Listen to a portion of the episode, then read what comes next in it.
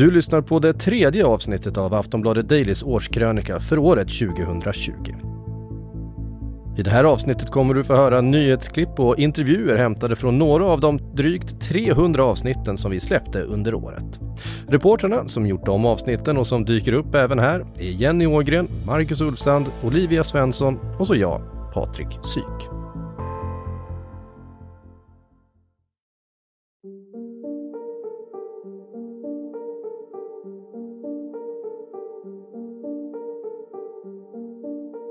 Ja, i augusti ökade hoppet om ett fungerande vaccin samtidigt som smittspridningen på sina håll nu såg ut att återvända med förnyad kraft.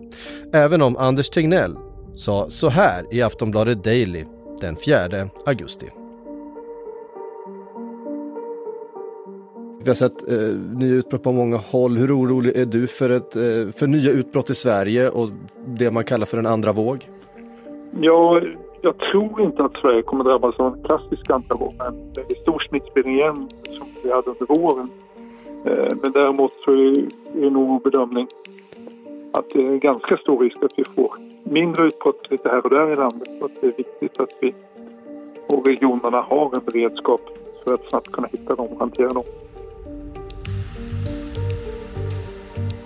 Men mer om den intervjun och den andra vågen lite längre fram i årskrönikan.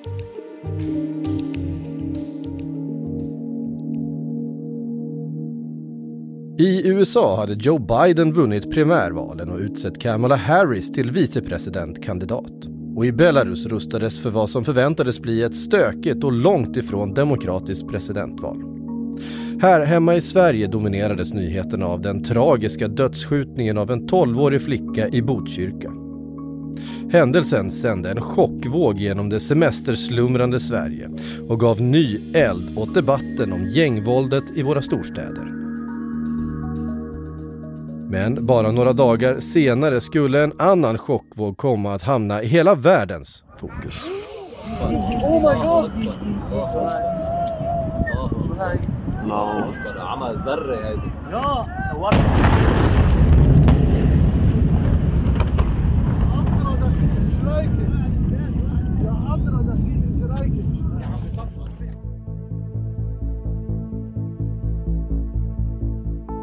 Explosionen i Beiruts hamn dödade över 200 personer, skadade tusentals allvarligt och gjorde över 300 000 människor hemlösa. Ammoniumnitrat är ett ämne som används bland annat till konstgödning men också som ingrediens vid hemgjorda bomber. I lagerlokal nummer 12 i Beiruts hamn fanns 2750 ton av ämnet dumpat från ett övergivet lastfartyg och med tiden bortglömt. Så när en brand utbröt i lokalen resulterade det i den värsta explosionen orsakad av människor som inte kommit från en kärnladdning. Kraften var så stor att den lämnade en 127 meter bred och 47 meter djup krater efter sig och ödelade stora delar av den libanesiska huvudstaden. Tryckvågen kändes över hela Libanon, stora delar av Israel, Palestina och in i Turkiet. Och ljudet hördes hela vägen till Cypern, över 20 mil därifrån.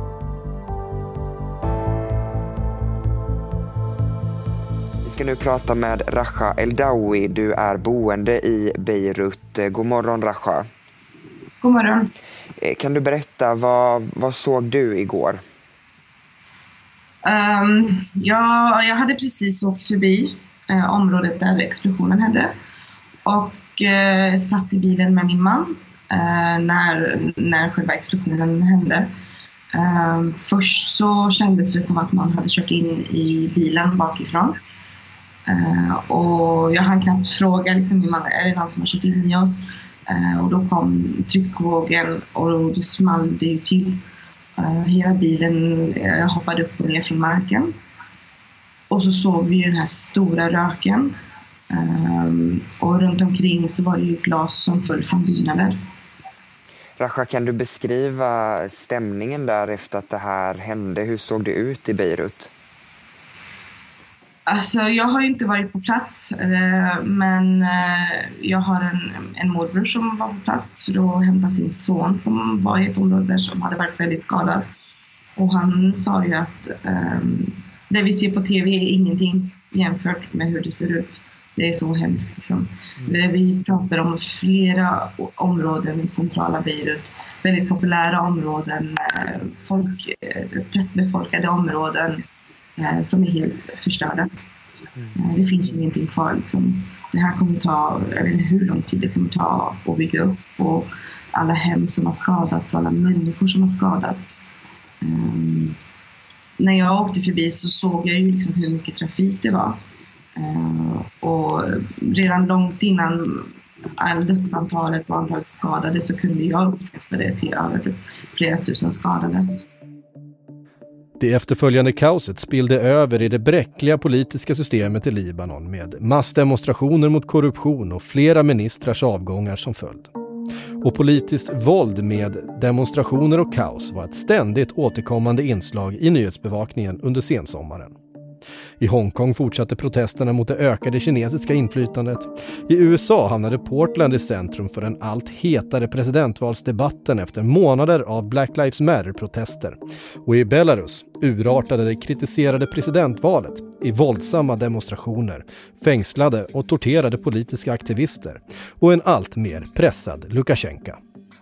Aftonbladets Staffan Lindberg var på plats i Minsk och sa så här om stämningen det är en ganska märklig känsla därför att på ytan så, så råder ett, ett väldigt lugn här. Det pågår demonstrationer men, men de är fredliga och de, de, polisen håller sig i bakgrunden. Man ser dem hela tiden men de håller sig i bakgrunden. Eh, det finns en, en ibland nästan euforisk känsla bland de som demonstrerar, en segervisshet.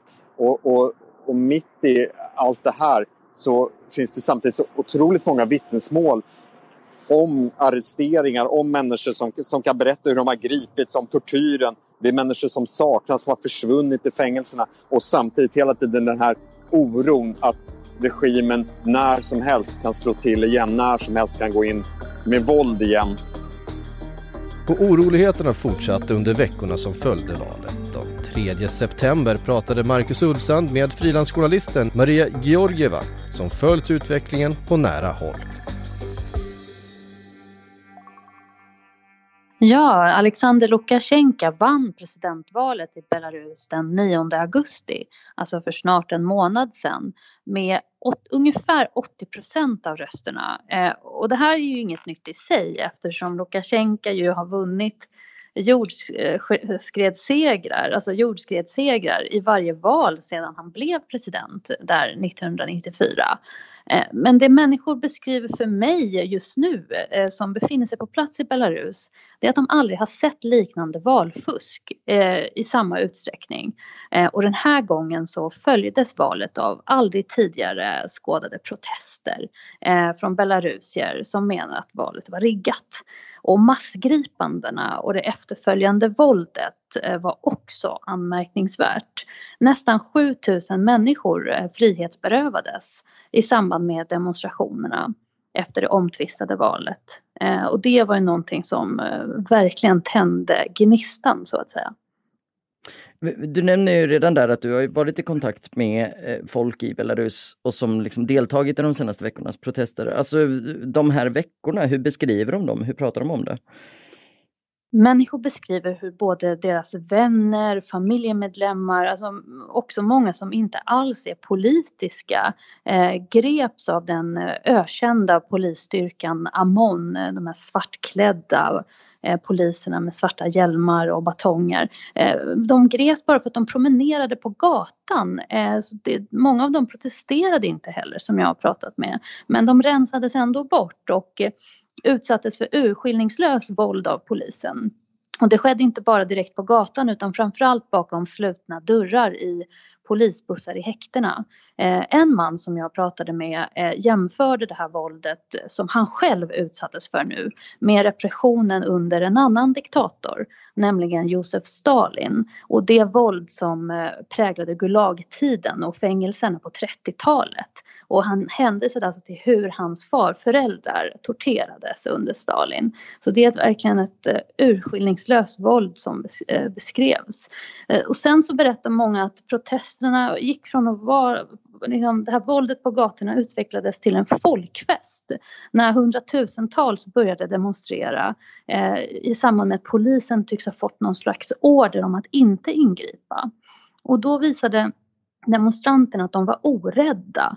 Eh, och även arbetare och vissa inom presidentadministrationen och polisen eh, har börjat hoppa av i det här läget.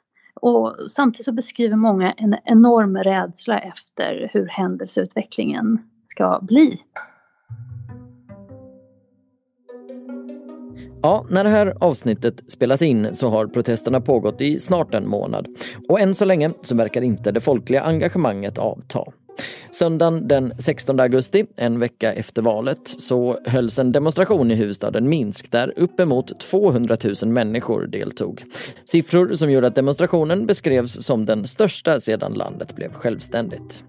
Dagen efter så inleddes en generalstrejk där fabriksarbetare och personal på landets etermedier deltog. Nästa söndag därefter så hölls en ny demonstration och även söndagen därefter kunde tusentals människor ses på gatorna i Minsk. Men hur har egentligen Lukasjenkos respons till allt det här sett ut?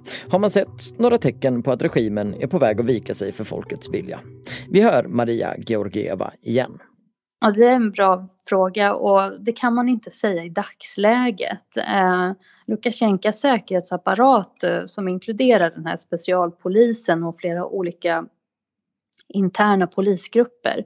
De är lojala med honom och det upprätthåller också eh, Lukasjenkos makt. Eh, hans anhängare visar ju också att de har en helt annan uppfattning av de senaste veckorna eh, och hävdar att alla röstade på Lukasjenko eh, och det gjorde liksom 80 procent eh, och att det är utländska krafter som försöker destabilisera makten i Belarus från då pappa Lukasjenko. Och det här är ju liksom en viss eh, propaganda som sprids i Belarus eh, just nu. Eh, och samtidigt så håller Lukasjenko väldigt defensiva tal när han möter arbetare på fabrikerna och säger att förräderi är det värsta som finns här i livet eh, och på något sätt försöker skrämma sina anhängare eller sina, han försöker skrämma de här människorna som har eh, Eh, nu gått ut och sagt att de eh, vägrar stötta Lukasjenko. Han patrullerar med vapen med sin son vid sin sida och allt det här projicerar någon slags styrka. Men eh, i sin egen befolknings ögon så får det ändå honom att se hyfsat desperat och svag ut eftersom det är så enorma protester vi ser i Belarus just nu och det är historiska scener. Eh, så det han nu gör är att han försöker hålla ihop den här massiva säkerhetsapparaten som han är beroende av.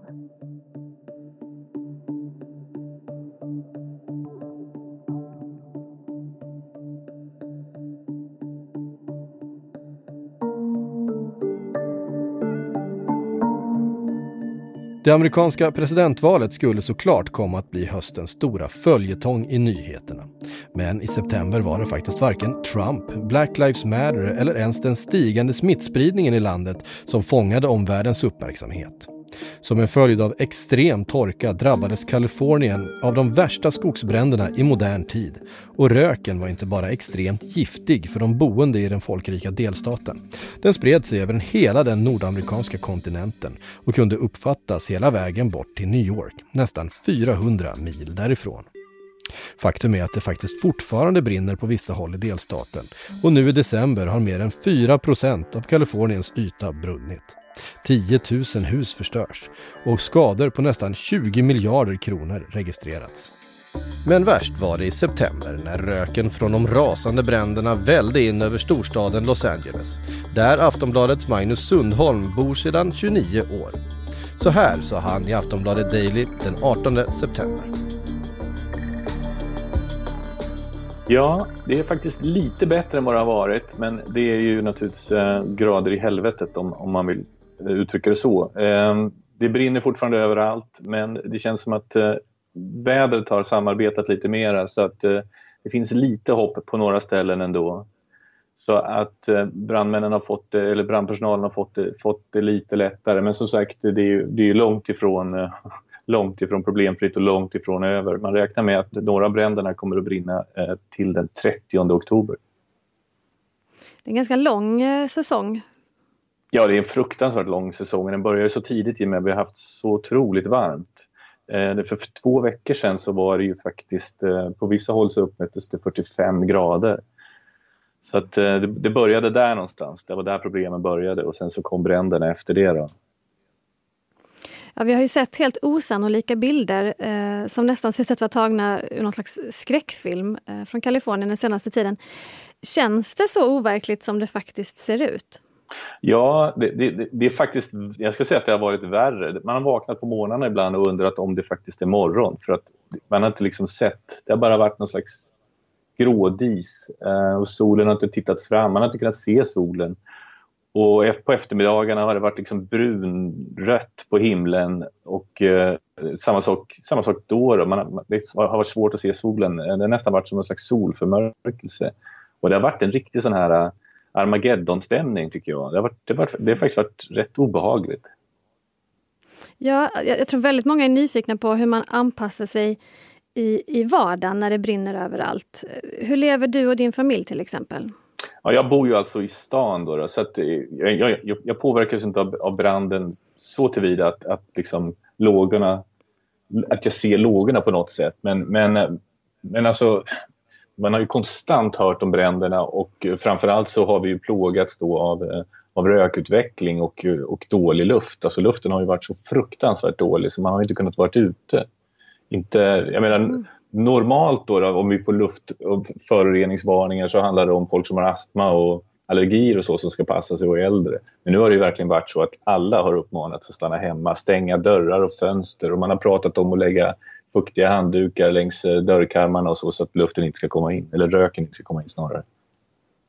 Och det gäller alltså även inne i stan? Ja, det har gällt inne i stan också. Alltså, det har varit så fruktansvärt dålig luft. Jag var ute på, var ute på terrassen häromdagen, ett par dagar sedan och eh, då såg det, alltså, det såg nästan ut som det hade snöat. Då, men då är det alltså aska som har liksom fallit ner och gjort allting så här grå, gråvitt. Och, eh, ja, och så liksom att eh, skyarna är aldrig blåa. De har, det har varit grått eller, eh, eh eller brunt ska säga, på eftermiddagen. Då, då.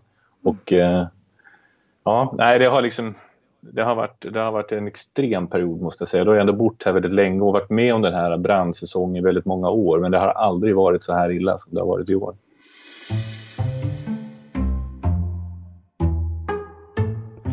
Och vi stannar kvar i USA. Hanteringen av coronaviruset, Black Lives Matter-protesterna och klimatpolitiken som blossade upp i samband med bränderna var alla tre frågor som skulle kunna avgöra vilket val som helst. Men känslan när det amerikanska folket under hösten började lägga sina valsedlar på posten var att den absolut viktigaste frågan var Donald Trumps vara eller inte vara i Vita huset. This is the single biggest election, in my opinion, and I never thought I'd say it, in the history of our country. This is the biggest. The biggest in the history of our country. But whatever you do, you have to go out and vote. Who here is going to vote for Sleepy Joe Biden? They took advantage of stupid people. Stupid people. And Biden's a stupid person. You know that. You're not going to write it. You know that.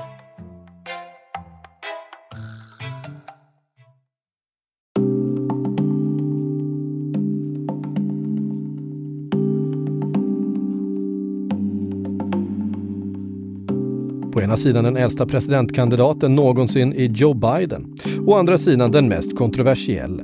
Ett polariserat land och en infekterad debatt om Trump och den personkult han lyckats bygga skulle bli själva kärnan i presidentvalet. I oktober rustade båda sidor för intensivt kampanjande, rafflande debatter och en slutspurt olik någon annan. Då händer det här. Donald Trump har testat positivt för coronaviruset.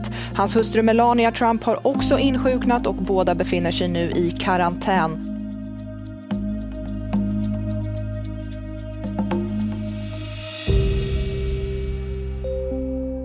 Det här var den tredje delen av fyra i Aftonbladet Dailys årskrönika. Mitt namn är Patrik Syk och häng med in i den sista delen då vi summerar det märkliga året 2020.